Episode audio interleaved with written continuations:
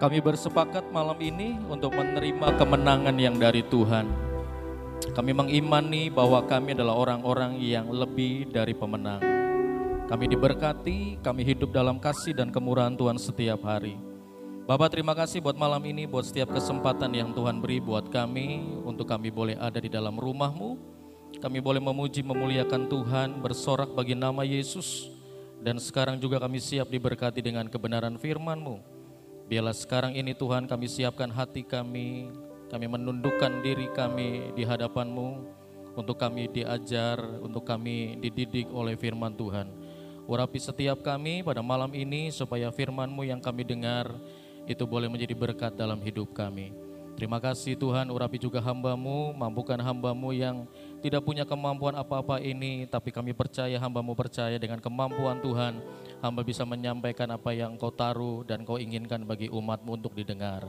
Terima kasih, kami tidak mengizinkan satu kuasa apa pun yang bukan kuasa Tuhan ada di ruangan ini. Kami tolak di dalam nama Yesus. Semua kuasa yang bukan dari Tuhan kami usir keluar. Hanya kuasa Yesus Kristus Tuhan yang kami izinkan bekerja di tengah-tengah ibadah kami. Terima kasih Bapak dalam nama Tuhan Yesus kami sudah berdoa dan kami mengucap syukur. Kemuliaan hanya bagi namamu. Haleluya. Amin. Shalom saudara, selamat malam. Salam sehat buat saudara semua. Terima kasih buat Mami Nani untuk kesempatan buat saya, saya boleh ada di tempat ini. Selamat malam juga buat saudara yang streaming di mana pun saudara mengikuti siaran atau online streaming PD Eklesia pada malam hari ini. Saudara mari kita buka firman Tuhan 1 Samuel pasal 23 1 Samuel 23 ayat 1 sampai 13 saya akan bacakan cepat buat saudara 1 Samuel 23 ayat 1 sampai 13 Iya. Saya akan bacakan cepat buat saudara dan mungkin powerpointnya sudah bisa ditampilkan Daud di Kehila judulnya saudara. Diberitahukanlah kepada Daud begini, ketahuilah orang Filistin berperang melawan kota Kehila dan menjara tempat-tempat pengirikan. Lalu bertanyalah Daud kepada Tuhan, apakah aku akan pergi mengalahkan orang Filistin itu? Jawab Tuhan kepada Daud, pergilah kalahkanlah orang Filistin itu dan selamatkanlah Kehila. Tetapi orang-orang Daud berkata kepadanya, ingatlah Sedangkan di sini di Yehuda kita sudah dalam ketakutan, apalagi kalau kita pergi ke Kehila melawan barisan perang orang Filistin. Lalu bertanya pula Daud kepada Tuhan, maka Tuhan menjawab dia, firmannya, Bersiaplah, pergilah ke Kehila, sebab aku akan menyerahkan orang Filistin itu ke dalam tanganmu. Kemudian pergilah Daud dengan orang-orangnya ke Kehila, ia berperang melawan orang Filistin itu, dihalaunya ternak mereka, dan ditimbulkannya kekalahan besar di antara mereka. Demikianlah Daud menyelamatkan penduduk Kehila. Ketika Abiatar bin Ahimelek melarikan diri kepada Daud ke Kehila, ia turun dengan membawa efod di tangannya. Kepada Saul diberitahukan bahwa Daud telah masuk Kehila. Lalu berkatalah Saul, Allah telah menyerahkan dia ke dalam tanganku, sebab dengan masuk ke dalam kota yang berpintu dan berpalang, ia telah mengurung dirinya. Maka Saul memanggil seluruh rakyat pergi berperang ke Kehila dan mengepung Daud dengan orang-orangnya. Ayat 9 ketika diketahui Daud bahwa Saul berniat jahat terhadap dia, berkatalah ia kepada Imam Abiatar, bawalah efod itu kemari. Berkatalah Daud, Tuhan Allah Israel, hambamu ini telah mendengar kabar pasti bahwa Saul berikhtiar untuk datang ke Kehila dan memusnahkan kota ini oleh karena aku. Akan diserahkan oleh warga-warga kota Kehila, itukah aku ke dalam tangannya?' akan datang ke Saul seperti yang telah didengar oleh hambamu ini? Tuhan Allah Israel beritahukanlah kiranya kepada hambamu ini. Jawab Tuhan, ia akan datang. Kemudian bertanyalah Daud akan diserahkan oleh warga-warga kota Kehila. Itukah aku dengan orang-orangku ke dalam tangan Saul? Firman Tuhan akan mereka serahkan. Lalu bersiaplah Daud dan orang-orangnya kira-kira 600 orang banyaknya mereka keluar dari Kehila dan pergi ke mana saja mereka dapat pergi. Apabila kepada Saul diberitahukan bahwa Daud telah meluputkan diri dari Kehila, maka tidak jadilah ia maju berperang. Saudara, ini adalah sebuah kisah perjalanan pelarian Daud setelah dia diurapi menjadi raja. Dalam Alkitab dicatat ada 16 tempat, ada 16 daerah yang menjadi lokasi pelarian Daud. Nah salah satunya adalah Kehila. Nah malam ini kita akan belajar dari apa yang Daud alami, dari apa yang Daud rasakan, dari apa yang Daud gumulkan ketika dia berhadapan dengan situasi yang sulit. Saudara, hari-hari ini banyak orang hidup dalam ketidakpastian. Ada begitu banyak orang sekarang banyak bertanya atau mulai bertanya, termasuk mungkin saudara dan saya. Karena situasi hari ini semuanya tidak pasti. Tidak ada yang berani memastikan sebuah situasi hari-hari ini. Salah satu contoh, karena saya di sekolah, hari-hari ini setiap hari orang tua sudah mulai banyak yang bertanya Ketika mereka mendaftar sekolah, ketika mereka juga mulai mendaftar ulang, mereka bertanya, Sir Steve bagaimana dengan bulan Juli? Apakah sudah bisa sekolah tatap muka? Saya dan Miss Ina selalu bilang belum tahu. Karena memang kami tidak berani berkata, oh pasti Juli tatap muka. Kami belum berani berkata begitu. Walaupun pemerintah punya wacana, walaupun pemerintah punya keputusan bahwa bulan Juli mau tidak mau siswa harus tatap muka walaupun dalam sebuah skenario yang terbatas. Tetapi semuanya masih belum pasti saudara. Kami dari sekolah juga belum berani mengeluarkan sebuah statement apa yang harus kami lakukan dan kami katakan kepada orang tua. Mungkin saudara juga berkata, sampai kapan pandemi ini akan berlalu? Ada yang berani jawab tahun depan atau dua tahun lagi? Semua pasti akan berkata, nggak tahu sampai kapan, tidak pasti sampai kapan. Tidak ada yang berani memastikan saudara. Sampai kapan ekonomi akan seperti ini? Sampai kapan orang akan sulit untuk berusaha? Sampai kapan pariwisata akan dibuka lagi? Sampai kapan? Pertanyaannya begitu saudara. Tapi tidak ada satu orang pun yang berani menjamin bahwa oh pasti tahun depan, oh pasti dua tahun lagi. Saudara hidup kita hari-hari ini banyak diwarnai dengan ketidakpastian banyak diwarnai dengan tanda tanya besar dalam hidup kita saudara. Dan saya percaya saudara juga merasakan itu. Saudara punya tanda tanya besar dalam hidup saudara. Saudara punya pertanyaan yang mungkin hari-hari ini terus ditanyakan dalam hidup saudara. Dan mungkin juga saudara bertanya kepada Tuhan, Tuhan sampai kapan sih? Sampai kapan setiap hari kudu pakai masker Tuhan? Engap. Ya kan saudara? Gak enak saudara pakai masker tuh tiap hari. Yang wanita ya, ya dandanannya jadi nggak kelihatan, saudara. Udah lipstikan mahal-mahal juga nggak kelihatan, saudara. Ya kan? Kadang-kadang kalau ketemu orang jadi bingung, siapa ya? Coba dibuka maskernya, oh baru kenal saudara. Karena mukanya mungkin lupa karena ketutup masker saudara. Hidup kita hari-hari ini penuh dengan tanda tanya besar, penuh dengan ketidakpastian. Nah malam hari ini saudara kita mau belajar dari seorang Daud. Setelah Daud menerima pengurapan raja dari Samuel saudara. Apakah hidup Daud pasti dan dijamin langsung enak saudara? Tidak saudara. Ketika Samuel mengurapi Daud menjadi raja ketika Daud masih berusia muda. Hidup Daud tidak ada kepastian saudara kapan dia naik raja sebagai apa naik sebagai tahta, ke tahta raja karena Saul waktu itu masih jadi raja saudara. Kapan dia bisa memerintah nggak tahu saudara. Secara nyata Daud diurapi jadi raja saudara. Tetapi setelah dia terima pengurapan raja, apa yang Daud alami? Dia mengalami yang namanya masa-masa kesukaran dia dikejar-kejar oleh Saul, saudara. Dia diancam, dia ingin dibunuh, dia difitnah, dia dihianati, dia dijerat, saudara. Hidupnya sulit setiap hari. Yang tadi saya katakan ada 16 tempat pelarian Daud, saudara. Bayangin, Daud itu sudah diurapi jadi raja. Tetapi karena secara fakta Saul masih menjadi raja, ya Daud belum bisa naik, saudara. Tapi apakah Saul tahu Daud sudah diurapi menjadi raja? Tahu saudara. Tapi kok Tuhan mengizinkan Daud mengalami hidup yang tidak pasti saudara? Daud mengalami kehidupan yang tidak mudah saudara. Berbagai macam tantangan dia hadapi. Berbagai macam pergumulan dia hadapi. Bahkan nyawanya saudara hampir hilang berkali-kali saudara. Tuhan masih meluputkan Daud. Tuhan masih memberikan kesempatan untuk Daud hidup. Nah saudara ketika Daud lari ke Kehila, dia mendengar saudara, dia mendengar kabar bahwa Kehila itu akan diserang oleh Filistin saudara. Ketika dia dalam kejaran Saul, Daud mendengar bahwa Kehila akan diserang oleh Filistin. Dan ketika Daud mendengar ini saudara, Daud bukan orang yang cuek, Daud bukan orang yang masa bodoh. Timbul sebuah rasa dalam diri Daud untuk dia menolong Kehila. Maka dia datang kepada Tuhan saudara untuk bertanya. Nah saudara Kehila itu artinya adalah fortress atau benteng atau kubu pertahanan.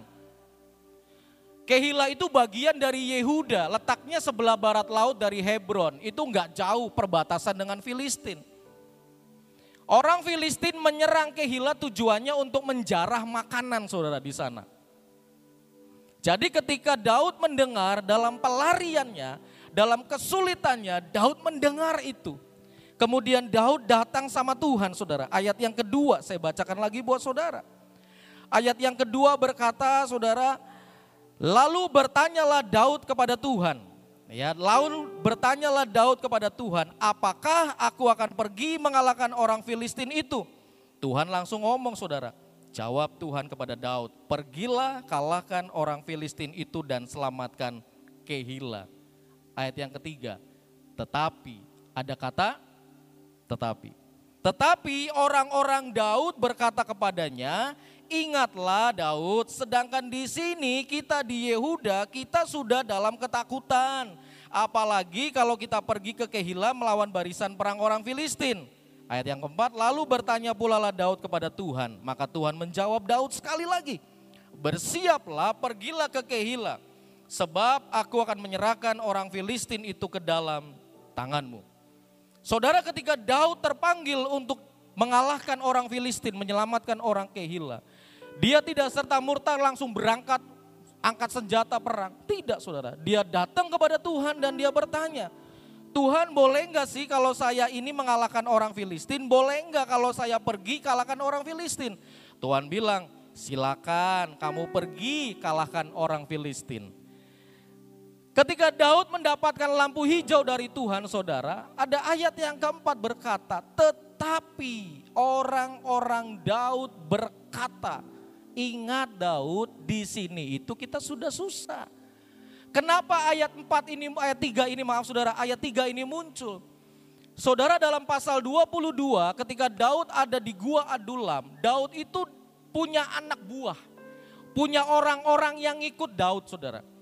Kurang lebih ada 400 orang yang ikut Daud menjadikan Daud sebagai pemimpin. Nah yang 400 orang ini bukan orang genah kalau orang Cirebon bilang. Bukan orang yang oke. Kalau saudara baca nanti ayat eh, pasal 22. 400 orang ini orang ruwet saudara. Orang yang sakit hati, orang yang dikejar-kejar hutang saudara. Bayangin ya, saudara punya anak buah 400, hampir semuanya bermasalah Saudara pengen? Boro-boro, satu aja udah keder saudara, bener nggak? Kami di sekolah punya orang tua, kalau punya muridnya 700 plus minus ada sekitar 1000 lebih orang tua saudara. Dengan berbagai macam tingkah pola dari orang tua. Itu aja kita udah keder saudara. Ya kan? Nah saudara ini Daud setiap hari ketemu 400 orang yang dikejar hutang. Mungkin ngomong sama Daud, Daud ini pinjaman online saya udah jatuh tempo, gimana ini harus bayar. Ada yang sakit hati, mungkin diputusin pacarnya saudara. Mungkin dia habis ribut sama orangnya. Apa nggak puyeng saudara Daud? Makanya ayat 3 bilang, Daud kita aja udah susah ini, kita aja udah hidup susah. Kamu mau mikirin orang lain. Kamu mau menyelamatkan kehila, pikir lagi, pikir lagi. Tapi Daud nggak bergeming saudara. Ayat 4. Setelah dia terima informasi ayat yang ketiga, ayat 4 Daud nanya lagi sama Tuhan.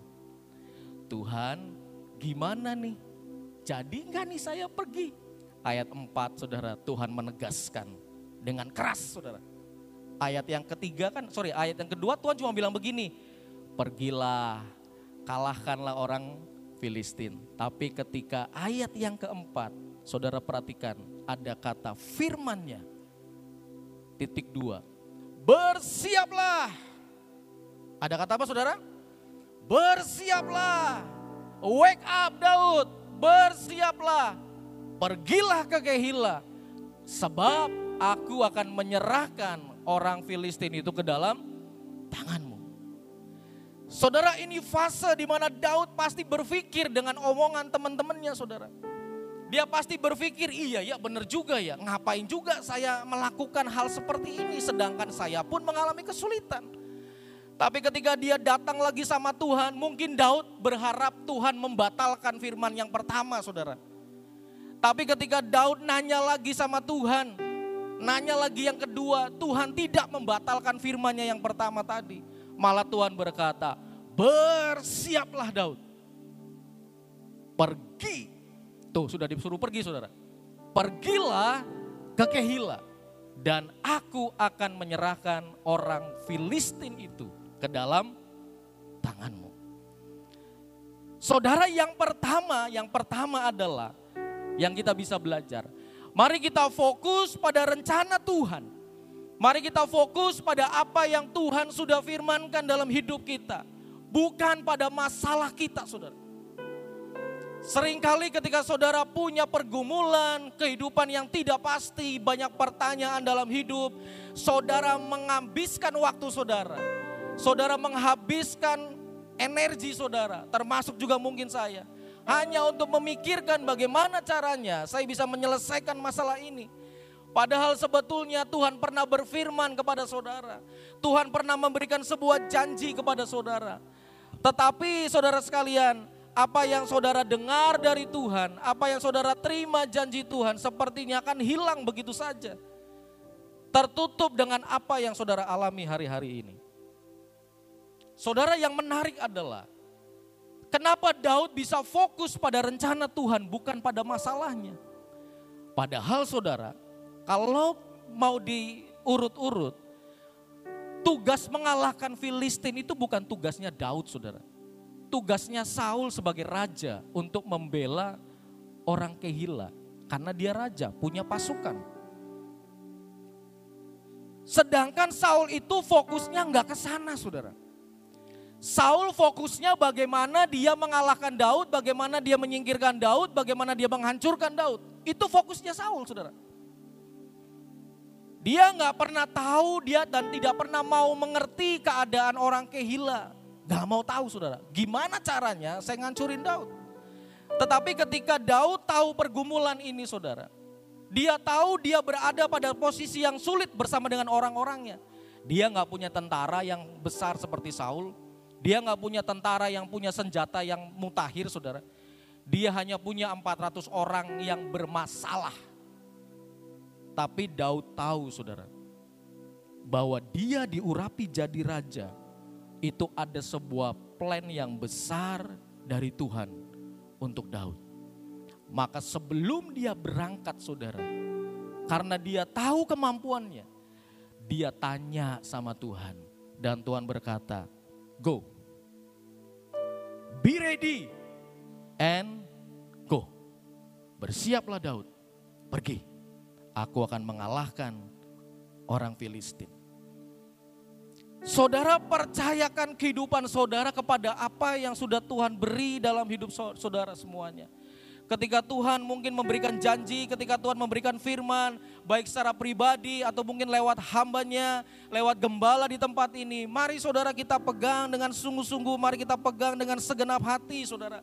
Walaupun di sekitar saudara itu banyak noise, di sekitar saudara banyak omongan-omongan yang membuat saudara jadi ragu-ragu. Tuhan berkata, Mazmur 91, ya kan, Tuhan akan meluputkan saudara dari segala malapetaka. Tuhan akan memberkati hidup saudara. Tuhan akan memberikan saudara perlindungan yang setiap hari kita deklarasikan. Tetapi karena saudara ada noise, ada orang-orang yang ruwet di sekitar saudara ada orang-orang yang tidak membangun rohani saudara, maka itu lewat begitu saja dan saudara tidak bisa menikmati itu. Saudara Daud tahu persis saudara, 400 orang ini bukan orang yang baik. Bukan orang yang bisa membangun dirinya. Artinya apa saudara? Artinya Daud sedang berjuang sendiri sepertinya saudara untuk dia berdiri menghadapi Filistin yang akan dia kalahkan membela orang orang kehila. Saudara cek orang-orang yang ada di sekitar saudara.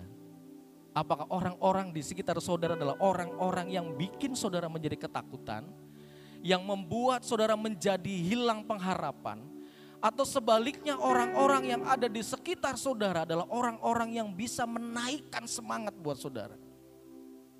Dalam kondisi pandemi seperti ini selalu saya bilang kepada teman-teman yang ketemu, saya bilang, ingat protokol kesehatan, ingat tetap bersuka cita, karena ketika saudara, misalnya saudara sakit, kemudian saudara kepikiran, ya ketemu dengan orang, chatting, eh gimana nih? Saya batuk pilek nih. Terus temennya langsung bilang begini, hati-hati bro, hati-hati bro. Saudara pasti stres kan? Dulu kalau saudara pilek batuk santai. Sekarang kalau saudara batuk pilek sudah stres. Kalau ada orang batuk bersin di sebelah saudara dulu sebelum pandemi, saudara paling cuma nengok. Oh. Sekarang kalau ada orang batuk dua kali, geser saudara. Benar nggak? Kalau ada orang bersin, langsung saudara minggir. Kalau dulu kan biasa-biasa aja saudara. Jadi saudara lihat orang-orang yang ada di sekitar saudara. Jangan ragukan apa yang Tuhan perintahkan. Walaupun di sekitar saudara ya membuat saudara ragu-ragu. Tapi mari kita belajar untuk percaya sama Tuhan. Ayat yang keempat bilang begini saudara, ayat yang keempat. Lalu bertanya pula lah Daud kepada Tuhan, maka Tuhan menjawab dia firmannya, bersiaplah, pergilah ke Kehila, sebab aku akan menyerahkan orang Filistin itu ke dalam tanganmu. Ini jelas sebuah perintah saudara. Walaupun saudara ada dalam situasi yang sulit hari-hari ini. Walaupun orang-orang di sekitar saudara berkata A, B, C, D, E yang tidak menyenangkan saudara. Yang menakutkan mungkin tapi pegang ayat 4. Berkatalah Tuhan, bersiaplah. Artinya apa saudara? Hari ini Tuhan mau ngomong buat saudara dan saya.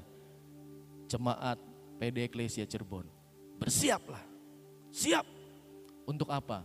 Karena Tuhan akan memulihkan ekonomi saudara. Amin. Bersiaplah karena Tuhan akan menyembuhkan sakitmu. Bersiaplah karena Tuhan akan siap menyelamatkan keluargamu. Siap. Bersiaplah karena Tuhan akan meluputkan saudara dari segala malapetaka. Bersiaplah karena Tuhan akan menjadikan engkau berkat bagi bangsa-bangsa. Be ready and go. Tuhan bilang. Jangan cuma siap berdiri kemudian nggak ngapa-ngapain saudara bersiaplah dan pergi Tuhan bilang. Gagian pergi Tuhan bilang, cepat pergi, selamatkan kehilang. Tuhan akan melakukan banyak perkara dalam hidup saudara dan saya hari-hari ini. Amin. Masalahnya, saudara mau tetap diam bersama dengan orang-orang yang ada di sekitar saudara yang tidak membangkitkan semangat saudara. Ataukah saudara akan berkata, yes Tuhan saya mau bersiap-siap. Saya nggak peduli omongan orang-orang di depan saya. Saya nggak peduli dengan orang-orang yang ada di sekitar saya. Saya nggak peduli karena mereka tidak membangun iman saya. Tapi yang saya mau lakukan adalah saya mau bersiap-siap dan saya, saya mau pergi untuk mengalahkan orang Filistin. Saya bersiap-siap karena sebentar lagi Tuhan akan memulihkan ekonomi saya. Tuhan akan memulihkan bangsa ini dari COVID, dari pandemi. Bersiap-siap. Kalau saudara tidak bersiap-siap, ketika masa pemulihan itu datang, saudara nggak kebagian apa-apa, saudara. Tapi ketika saudara bersiap-siap, kapan waktunya Tuhan bergerak memulihkan, saudara sudah siap. Dan ketika Tuhan berkata, ayo pergi nak. Saudara berkata, oke okay, Tuhan. Ya saya pergi, saya bertindak, saya melakukan apa yang Tuhan mau. Bersiaplah saudara. Fokus pada rancangan Tuhan, bukan pada masalah yang ada di sekitar saudara. Amin. Saya tahu saudara dan saya pasti punya banyak masalah. Tidak ada manusia yang tidak ada masalah. Bahkan ada orang yang bilang masalah dalam kondisi pandemi ini berlipat kali ganda, saudara. Kemarin saya ketemu dengan salah satu orang tua murid mau daftarin anak, saudara. Sudah empat bulan dia nggak punya pekerjaan, nggak punya penghasilan, zero, saudara. Anaknya dua, istrinya nggak kerja di rumah ibu RT, ibu rumah tangga. Mau masukin sekolah, saya tanya, Papa dari mana TK-nya? Oh dari terang bangsa, mau masuk SD. Ngomong-ngomong masalah biaya, ketika saya bicara biaya, dia nawar saudara. Kan biasa kalau orang nawar saudara. Kemudian dia bilang begini, Sir Steve ini aja saya masih bingung. Karena yang di TK saya masih nunggak. Nanti kalau anak saya naik ke SD kan saya harus bayar yang di TK, harus beresin. Kemudian juga harus bayar yang di SD. Saya nggak punya penghasilan pak, sudah empat bulan. Saya udah coba usaha, saya coba usaha. Masih nggak nutup, kalaupun saya dapat uang serabutan hanya cukup buat makan sehari-hari. Saudara yang begini ini banyak masalahnya saudara. Betul nggak saudara? Bayangin saya sama Miss Ina kadang-kadang setiap hari ketemunya orang-orang yang begini saudara. Ada yang nyari kerjaan karena nggak punya kerjaan saudara kita ini sekolah dan lembaga sosial nyariin kerjaan saudara. Nah ini yang terjadi saudara. Tapi firman Tuhan sore hari ini berkata, bersiaplah, pergi, siap-siap, kalahkan masalahmu, kalahkan ketakutanmu, kalahkan kekhawatiranmu, kalahkan keraguan-raguanmu, siap. Tuhan bilang, karena aku akan menyerahkan Filistin itu ke dalam tanganmu. Siapa Filistin saudara hari-hari ini? Saya tidak tahu. Tapi malam ini Tuhan berkata, siap-siap nak. Aku akan serahkan Filistin itu ke dalam tanganmu. Dan engkau akan menjadi seorang pemenang. Amin saudara. Jadi mari yang pertama fokus dengan rencana Tuhan dalam hidup saudara. Jangan fokus pada pergumulan saja. Bergumul untuk masalah saudara boleh. Bukan gak boleh, boleh. Tapi jangan kelewatan saudara. Sampai akhirnya saudara tidak bisa melihat apa yang sedang Tuhan kerjakan dalam hidup saudara. Apa yang sedang Tuhan lakukan hari-hari ini saudara nggak ngerasain saudara. Kami di sekolah banyak kesaksian saudara kalau mau diceritakan panjang lebar. Mungkin kalau saya cerita panjang misina juga banyak kesaksian saudara hari-hari ini. Nyari murid susah saudara, benar nggak? Susah, apalagi maaf kalau untuk anak-anak TK saudara. Aduh masih online ya, udahlah di rumah aja, anak saya masih tiga tahun. Tapi saya bilang sama guru-guru, bersiaplah. Kalau kamu berdoa setiap hari minta murid-murid, maka bersiaplah ketika Tuhan siap kirimkan murid-murid. Artinya apa? Bersiap, jangan cuma diem aja. Pergi, artinya apa? Berbuat sesuatu. Maka sekarang saudara, guru-guru, wah hebat saudara, keren bikin namanya school touring, bikin namanya virtual, uh, trial virtual saudara. Bikin talk show di radio suara Gracia, apa pun dikerjakan saudara. Promosi di Instagram, di Facebook saudara, lewat orang tua murid, semua dilakukan. Itu artinya bersiaplah dan pergi. Kalau cuma doa doang, nggak ngapa-ngapain saudara, Gimana mau terjadi mujizat? Guru-guru kami mau retret saudara di Bali bulan September. Dana yang masih kurang cukup banyak. Karena kami mensubsidi. Saya bilang sama guru-guru, ayo doa, beriman cari dana. Makanya kan kemarin jualan saudara. Yang saya bikin salut saudara. Guru-guru itu sampai mengumpulkan baju-baju bekas dari orang tua murid siapa saja mereka beberapa kali jualan saudara, buka emperan di Stadion Bima, baju-baju bekas yang layak pakai itu dijejer. Guru laki, guru perempuan pokoknya ada yang di pinggir jalan teriak-teriak. Ayo, ayo bu, ayo bu, ayo bu, baju second bu, kualitas super, ayo, ayo. Dari jam 3 sore sampai jam 6 sore. Jumat, Sabtu, Minggu kalau nggak salah saudara. Saya bilang, gak malu ya kita ya. Gak usah malu lah Sir Steve. Wong kita nggak minta-minta kok katanya. Pernah ketemu orang tua murid nggak tadi lagi kita jualan? Pernah ketemu orang tua murid. Terus gimana? Ya kita sapa jadi beli katanya orang tua muridnya. Saudara, malu tak cari uang seperti itu? Nggak malu, halal kok. Guru-guru SD mau graduation, dananya kurang saudara. Yayasan bilang, gak boleh minta dari yayasan. Ayo berusaha, bergerak, cari sesuatu. Mereka juga jualan di Bima, saudara, gelar emperan, teriak-teriak, ayo ayo ibu-ibu, baju baru, bagus banget, tas, sepatu. Lumayan, dapat sekian juta, saudara. Kepala sekolah duduk di bawah ngelemprak sama anak buahnya, teriak-teriak di pinggir jalan, jualan. Itu kita harus lakukan, saudara. Bergerak, go. Maka Tuhan akan memberkati. Amin, saudara. Nah setelah Daud selesai saudara. Singkat cerita Kehila menang saudara, dimenangkan. Filistin kalah. Ya setelah kemenangan besar itu, apakah setelah itu masalah Daud selesai? Kemudian wah Daud dieluk-elukan oleh orang Kehila, dapat penghargaan, namanya jadi pahlawan saudara. Ayat yang ketujuh saudara kita baca sama-sama. Kepada Saul diberitahukan bahwa Daud telah masuk ke Hila.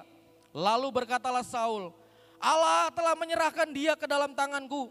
Sebab dengan masuk ke dalam kota yang berpintu dan berpalang, dia telah mengurung dirinya.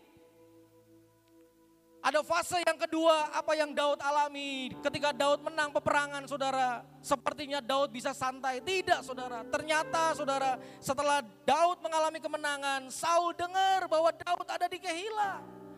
Maka Saul berikhtiar, saudara. Saul berkata ingin menghancurkan Daud.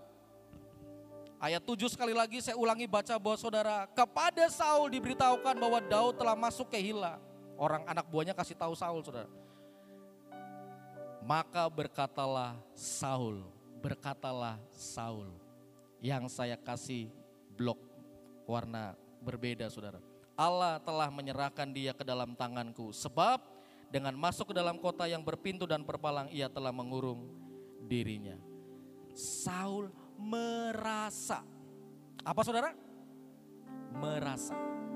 Saul masih merasa bahwa Tuhan menyertai dia. Karena dia berkata Allah telah menyerahkan Daud ke dalam tanganku. Padahal saudara Tuhan itu udah gak ada dengan Saul saudara.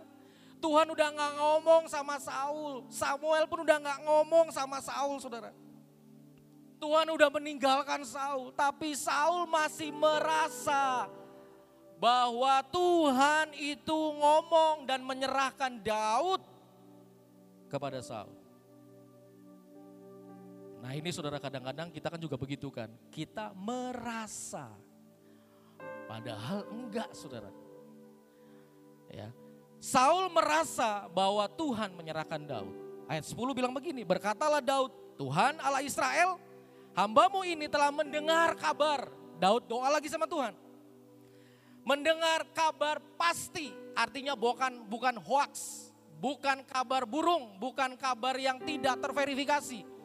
Daud berkata, Tuhan aku telah mendengar kabar pasti bahwa Saul berikhtiar untuk datang ke Kehila dan memusnahkan kota ini oleh karena aku, oleh karena Daud. Ayat yang ke-11, akan diserahkan oleh warga-warga kota Kehila, itukah aku ke dalam tangan Saul? Akan datangkah Saul seperti yang telah didengar oleh hambamu ini Tuhan? Maka Tuhan menjawab, iya akan datang.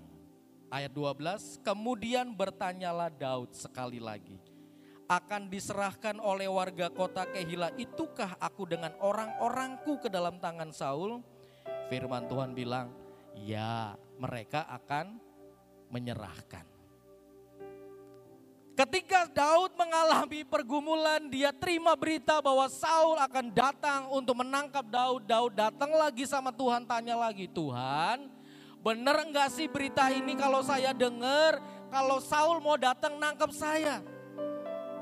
Tuhan bilang, iya benar Daud, bukan hoax, benar.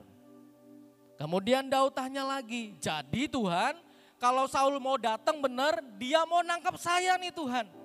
Tuhan bilang lagi, iya benar. Nanti orang Kehila akan menyerahkan kamu kepada Saul. Nah saudara bayangin yang terjadi dengan Daud saudara. Orang Kehila itu sudah ditolong sama Daud, sudah diselamatkan dari orang Filistin. Daud sudah berperang mempertaruhkan nyawa mengusir orang Filistin. Tapi apa yang terjadi ketika Daud mendengar Saul mau datang dan didengar bahwa orang Kehila katanya mau menyerahkan Daud kepada Saul dan dikonfirmasi kepada Tuhan, Tuhan berkata, "Iya Daud, orang Kehila mau menyerahkan kamu." Orang Kehila akan menyerahkan Daud kepada Saul, Saudara. Bayangin, ini sebuah pengkhianatan yang luar biasa, Saudara. Kebaikan Daud tidak dibalas dengan kebaikan. Tetapi sebaliknya, kebaikan Daud dibalas dengan sebuah pengkhianatan yang luar biasa. Pertanyaannya, apa alasannya orang Kehila mau serain Daud kepada Saul? Kan gitu saudara, alasannya apa? Ternyata saudara, ada alasannya. Orang Kehila ini takut sama Saul saudara. Dia lebih takut kepada Saul ternyata ketimbang kepada orang Filistin. Kenapa saudara? Karena orang Filistin itu dia datang hanya menghancurkan panen. Hanya menghancurkan buli apa eh, lumbung padi, tempat-tempat makanan. Dia hanya menghancurkan tempat panen mereka di tempat pengirikan. Ayat pertama saudara. Tetapi saudara orang Kehila mendengar apa yang dilakukan Saul. Saudara mundur beberapa pasal ketika Saul membunuh 85 imam dan keluarganya. Gara-garanya apa? Gara-garanya ada salah satu keluarga dari imam ini ketemu Daud kasih bekal dan kasih pedang Filistin, pedang Goliat saudara. Kemudian Saul mendengar dan Saul marah. Panggil semuanya dibabat habis saudara, dibantai 85 imam dan keluarganya. Hanya satu yang lolos saudara. Dan akhirnya mengikut Daud. Jadi orang kehila ketakutan saudara. Udahlah daripada nanti kita dibantai sama Saul. Saul tuh bengis banget, Saul itu galak banget. Sudahlah kita lupakan kebaikan Daud. Sudah kita bilang aja, iya Daud ada di sini. Kalau kamu mau datang, datang aja, tangkap, tangkap aja, selesai. Ini yang terjadi saudara. Ini yang dialami oleh Daud saudara. Kebaikan yang Daud alami. Yang Daud lakukan buat orang kehila. Ternyata saudara. Dia pikir Daud akan disembunyikan oleh orang kehila. Daud berpikir orang kehila akan bilang sama Saul, oh nggak ada Saul, Daud nggak ada di sini. Daud udah pulang, Daud udah nggak ada. Ternyata saudara, dikasih tahu sama Saul, ada tuh Daud lagi jalan-jalan di mall. Kalau mau datang datang aja, kalau mau tangkap tangkap aja daripada nanti ruwet urusannya sama Saul, mendingan eh, Daud yang dise, diserahkan. Yang kedua saudara, apa yang kita bisa belajar dari peristiwa ini? Saudara harus tetap percaya kepada Tuhan, walaupun saudara, saudara dikecewakan. Amin. Ada peribahasa air susu dibalas dengan air air tuba. Saudara pernah tahu tuba itu apa? Tuba itu akar saudara. Ya, akar pahit itu dibikin buat ngeracun ikan saudara. Jadi kalau misalnya susu itu kan manis, nah tuba itu kan beracun saudara. Air tuba itu airnya beracun. Jadi apa yang manis dibalas dengan yang racun saudara. Kebaikan dibalas dengan sesuatu yang jahat saudara, dihianati. Pertanyaan saya, saudara pernah kebaikan saudara dibalas dengan bukan dengan kebaikan lagi? Pernah nggak saudara? Sering.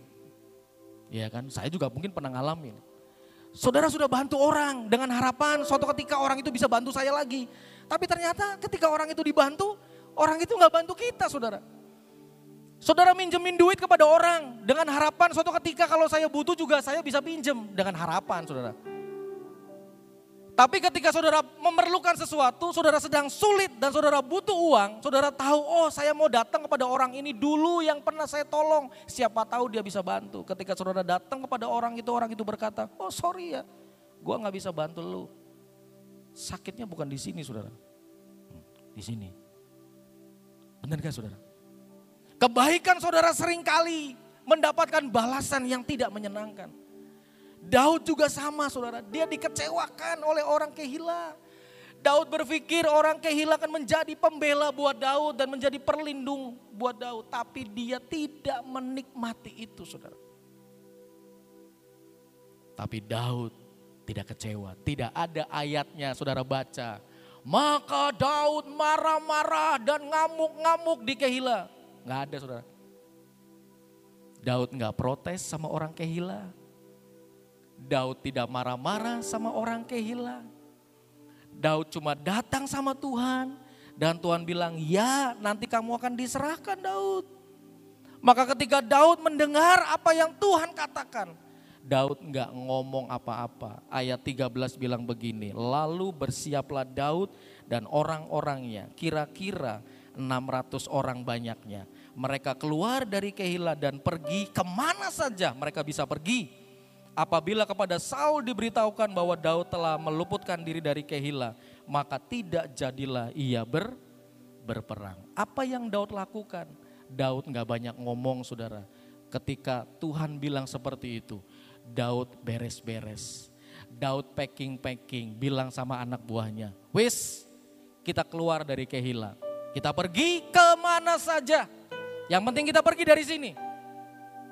Dan ayat yang menarik, ada kata menarik di situ. Bersama dengan 600 orang banyaknya. Pertanyaan saya, yang pertama itu kan 400 saudara. Yang 200-nya siapa? Dari mana Daud dapat tambahan 200 saudara? Saya percaya 200 ini adalah orang kehila yang tahu akan hidup Daud. Amin saudara. Ketika Daud bertempur mengorbankan segalanya untuk membela orang kehila. Mungkin orang kehila lihat, wih keren ya Daud ya. Wih dia bela kita. Maka ketika Daud mengalami kesulitan, ada 200 orang yang diberkati hidupnya oleh Daud. Dia jadi pengikutnya Daud saudara. Dia pergi meninggalkan Kehila bersama dengan Daud. Dia pergi saudara. Ke mana saja. Dan Tuhan meluputkan Daud. Kalau saudara baca di ayat yang ke-14 bilang begini, maka Daud tinggal di padang gurun. Ya, di padang gurun di tempat-tempat perlindungan. Ia tinggal di pegunungan di padang gurun Zif. Dan selama waktu itu Saul mencari dia, tetapi Allah tidak menyerahkan dia ke dalam tangannya. Daud pergi sampai ke padang gurun Zif dan Daud tinggal di pegunungan. Daud tinggal di sana. Tuhan tidak mengizinkan Saul menyentuh Daud, saudara. Tuhan luputkan Daud, Tuhan selamatkan Daud, saudara. Hari ini,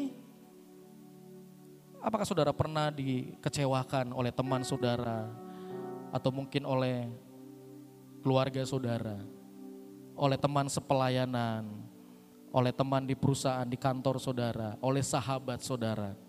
Mari belajar seperti Daud daripada saudara habis energi untuk memikirkan bagaimana membalas kejahatan itu atau membalas perilaku orang itu terhadap saudara. Lebih baik saudara keluar. Lebih baik saudara pergi ke mana saja. Tuhan bilang.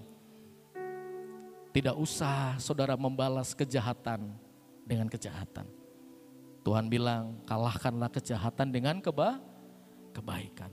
Ketika engkau sedang kecewa hari-hari ini, Saudara berdoa buat orang yang mengecewakan saudara dan berkata, Tuhan aku berdoa, aku mengampuni dia. Selesai saudara. Belajar seperti Daud. Yang ketiga, yang terakhir saudara. Kerjakan panggilan saudara dalam keadaan apa pun. Amin saudara. Yang ketiga adalah serhim, kerjakan, layani Tuhan dalam keadaan apa pun. Daud mengerjakan panggilannya dalam keadaan dikecewakan, disakiti, dikejar-kejar oleh Saul, nyawanya terancam. Dia hidup dengan orang-orang yang bermasalah, saudara. Yang dia harus selesaikan, yang dia harus menjadi pemimpin buat mereka. Keadaan yang tidak enak. Tetapi Daud masih bisa menyelesaikan panggilannya, mengalahkan orang Filistin. Daud masih bisa berbuat baik kepada orang Kehila, saudara. Dia mengerjakan panggilan itu dalam keadaan apa pun. Hari ini apa pun saudara keadaannya saat ini. Mari kerjakan panggilan saudara apa pun keadaannya.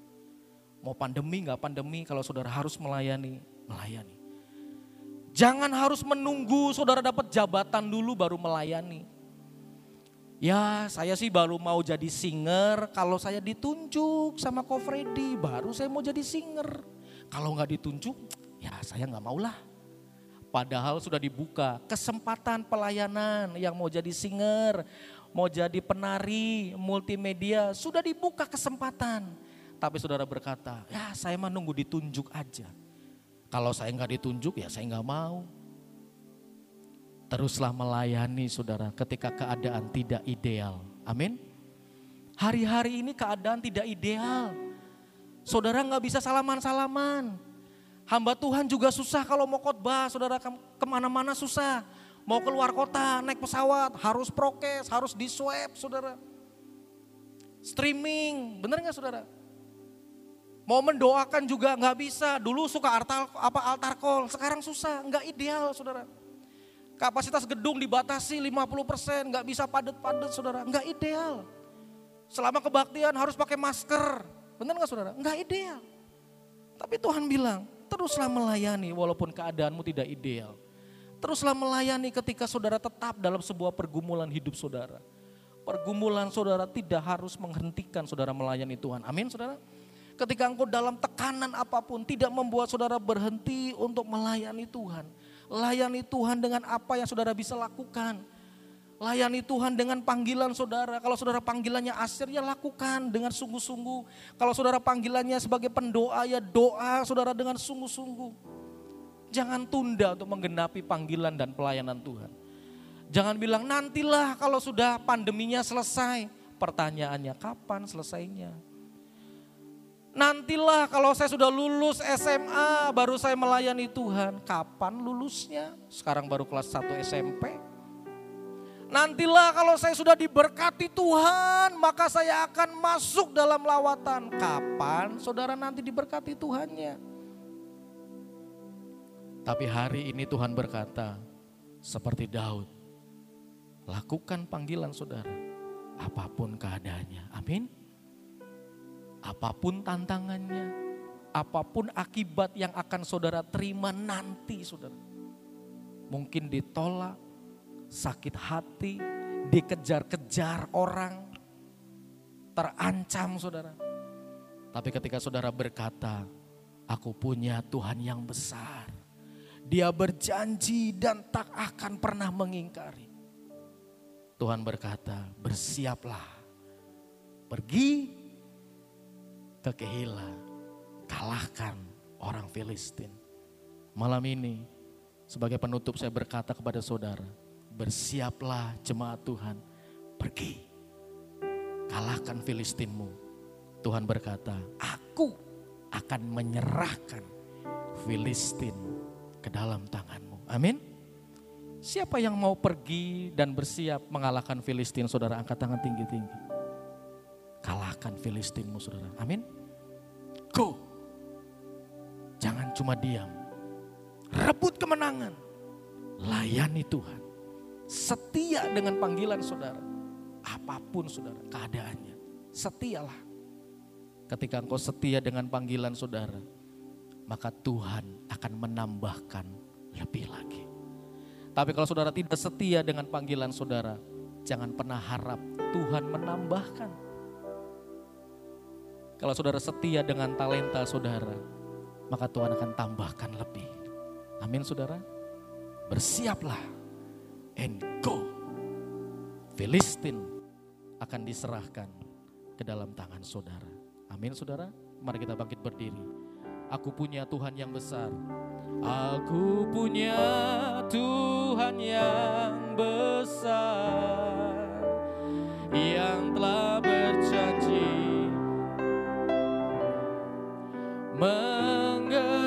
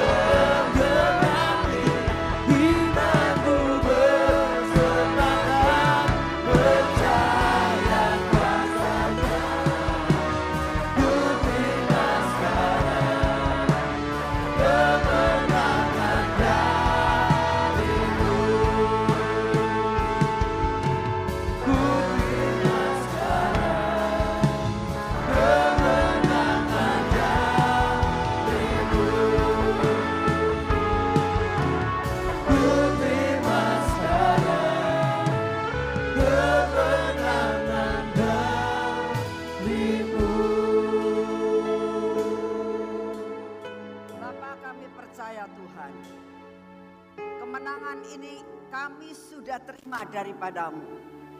Di dalam keadaan apa pun juga, buat kami siap berdasarkan firman-Mu. Kami tidak mau melakukan sesuatu dari kehendak kami sendiri. Bila kami mendapatkan suatu perintah, panggilan yang daripadamu, sekalipun keadaannya tidak memungkinkan. Tapi kami mau mengatakan kepadamu, kami siap Tuhan dan pergi. Karena kami tahu hidup kami ada di dalam pengaturan daripadamu. Terima kasih Tuhan Yesus. Dalam namamu kami sudah berdoa. Amin. Silakan duduk saudara. Saya percaya firman ini berbicara kepada saudara dalam keadaan apa pun tetap percaya kemenangan sudah ada di tangan kita ya. Saudara teringat akan apa yang pernah kita dapatkan yaitu ada jaminan daripada uh, Mazmur 91 ada juga jaminan daripada rencana lawatan dua setengah sampai tiga tahun ke depan. Ada perkara yang ajaib yang saudara dan saya akan alami. Tetap percaya kepada janji Tuhan Yesaya 60 menjadi milik saudara dan saya. Amin saudara kemarin saya baru uh, pelayanan sama-sama waktu Batra di Manaim. Pulangnya saya diberikan sesuatu patok ya. Dikatakan ini patok yang pernah Sion dapatkan yaitu di tangan kiri ada perlindungan Mazmur 91 di tangan kanan ada Yesaya 60 lalu eh, Manaim bikin patok saudara nah patok yang isinya di dalamnya itu adalah Mazmur 91 dan Yesaya 60 sebentar. Nah ini.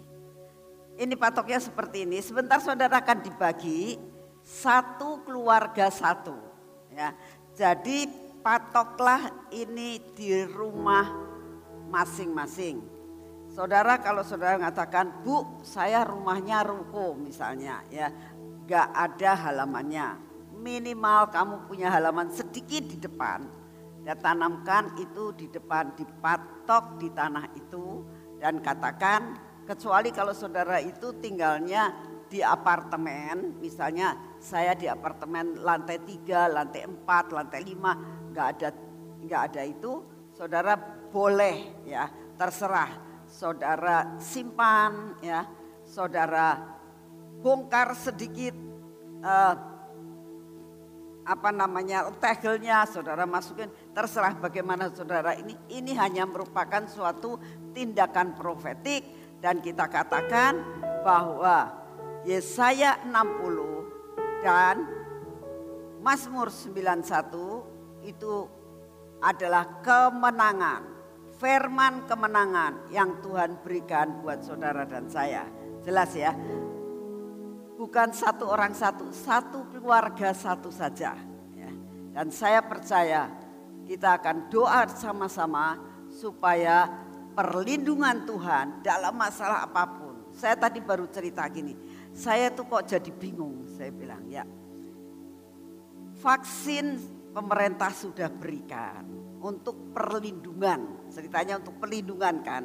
Vaksin itu dipergunakan pemerintah untuk perlindungan secara teorinya kalau sudah banyak orang yang mendapatkan perlindungan itu kan COVID-nya bertambah sedikit. Lah kok sekarang tambah banyak. Nah tadi uh, Steve mengatakan banyak noise. Banyak berita-berita yang bikin kita bingung. Tapi percaya saja Tuhan katakan hidup hanya karena anugerah Tuhan. Amin. Minta perlindungan Tuhan. Mazmur 91. Ucapkan dengan iman. Dan apa pun pandemi, apa pun keadaan ekonomi seperti yang Steve tadi katakan, setiap kali mendengar akan berita keadaan ekonomi yang bagaimana, Tapi kita percaya kita hidup karena firman Yesaya 60 eh, menjadi milik saudara dan saya. Amin. Yuk kita bangkit berdiri. Saya akan ajak saudara bersama-sama berdoa. Nanti saudara akan mendapatkan, akan dibagikan oleh Asyir. Saya minta Asyir juga bijaksana. Sebab ini sangat terbatas, satu keluarga satu saja. Jangan sampai ngomong begini, pura-pura suami dan istri pura-pura yang penting aku dapat dua. Saudara, ini bukan jimat. Sekali lagi saya katakan, ini bukan jimat.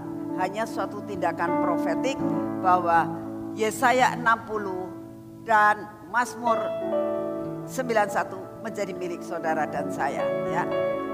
Bapa yang di surga saat ini kami datang di hadapanmu. Kami percaya bahwa Mazmur 91 Yesaya 60 menjadi milik kami. Oleh karena itu Tuhan, dalam tindakan profetik ini, kami akan kami akan mendapatkan patok ini kami akan tanam di rumah kami masing-masing. Dan kami sangat percaya perlindunganmu tidak akan pernah undur daripada kami. Berkatmu tidak akan pernah undur dari kami. Di dalam nama Tuhan Yesus Kristus. Kita katakan sama-sama. Amin. Sekarang siapkan hati untuk memberikan yang terbaik untuk Tuhan. Ya, silakan maju ke depan untuk memberikan yang terbaik untuk Tuhan.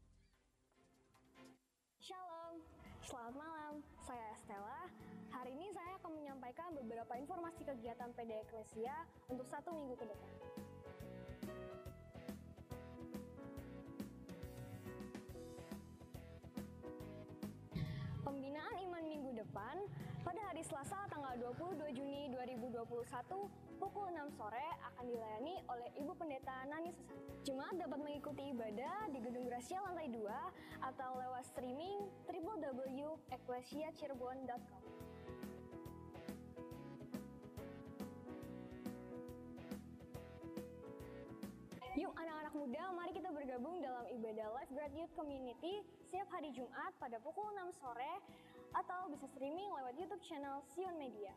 Untuk informasi lebih lanjut, kalian bisa follow Instagram kita di lifeguard.community. See you there!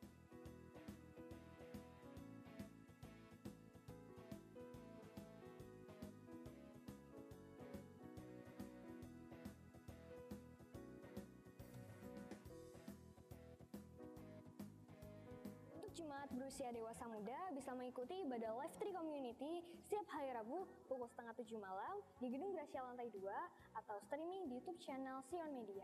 Minggu ini kita akan dilayani oleh Evangelis Gideon Sudirjo.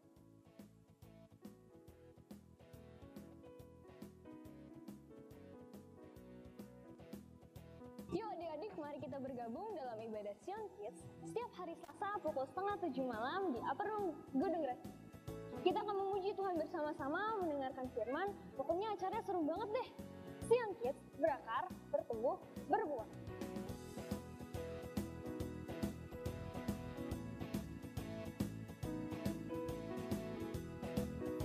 Untuk jemaat yang rindu melayani dalam bidang tarian, bisa mengikuti latihan setiap hari Sabtu pukul 1 siang sampai 3 sore di Gedung Gracia lantai 2. Untuk informasi lebih lanjut, jemaat bisa menghubungi nomor telepon berikut ini.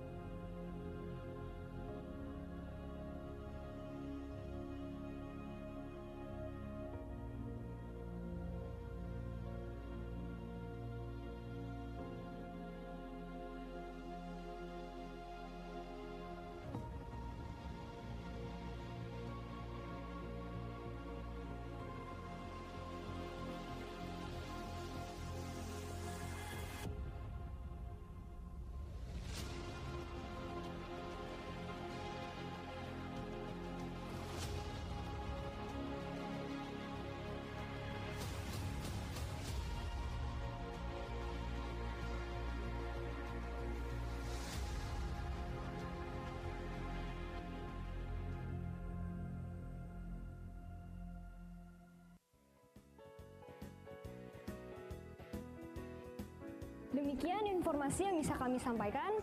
Selamat malam, Tuhan Yesus memberkati. Mari saudara kita bangkit berdiri. Kita akan mengakhiri kebaktian kita pada malam hari ini bersama dengan Tuhan. Bapa kami sudah menerima firman-Mu, kami sudah menerima patok yang berasal daripadamu. Kami minta di dalam namamu Tuhan, biarlah sesuai dengan iman kami. Kami tetap percaya kami akan bersiap dan melakukan apa yang menjadi rencanamu atas hidup kami dan panggilan yang kau berikan kepada kami. Buat kami dapat masuk di dalam rencanamu dan masuk di dalam apa yang menjadi kehendak rencanamu dalam hidup kami. Kami akan bangkit dan kami akan pergi untuk dapat mengalahkan segala sesuatu yang menjadi penghalang dalam hidup kami supaya kami lari sampai garis akhir. Terima kasih untuk kasih setiamu. Sebentar kami akan meninggalkan tempat ini ya Tuhan. Kami akan pulang ke rumah kami masing-masing.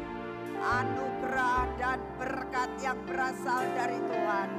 Berkat yang terbaik, berkat yang manis, berkat yang berkelimpahan yang Tuhan sudah sediakan buat kami pada malam ini kami terima dengan utuh. Kami pulang dengan membawa berkat yang berkelimpahan. Kami bawa berkas-berkas dan kami akan bawa pulang. Dan kami akan menjadi berkat di mana engkau tempatkan. Terima kasih Bapak. Dalam nama Tuhan Yesus kita katakan. Amin. Bukan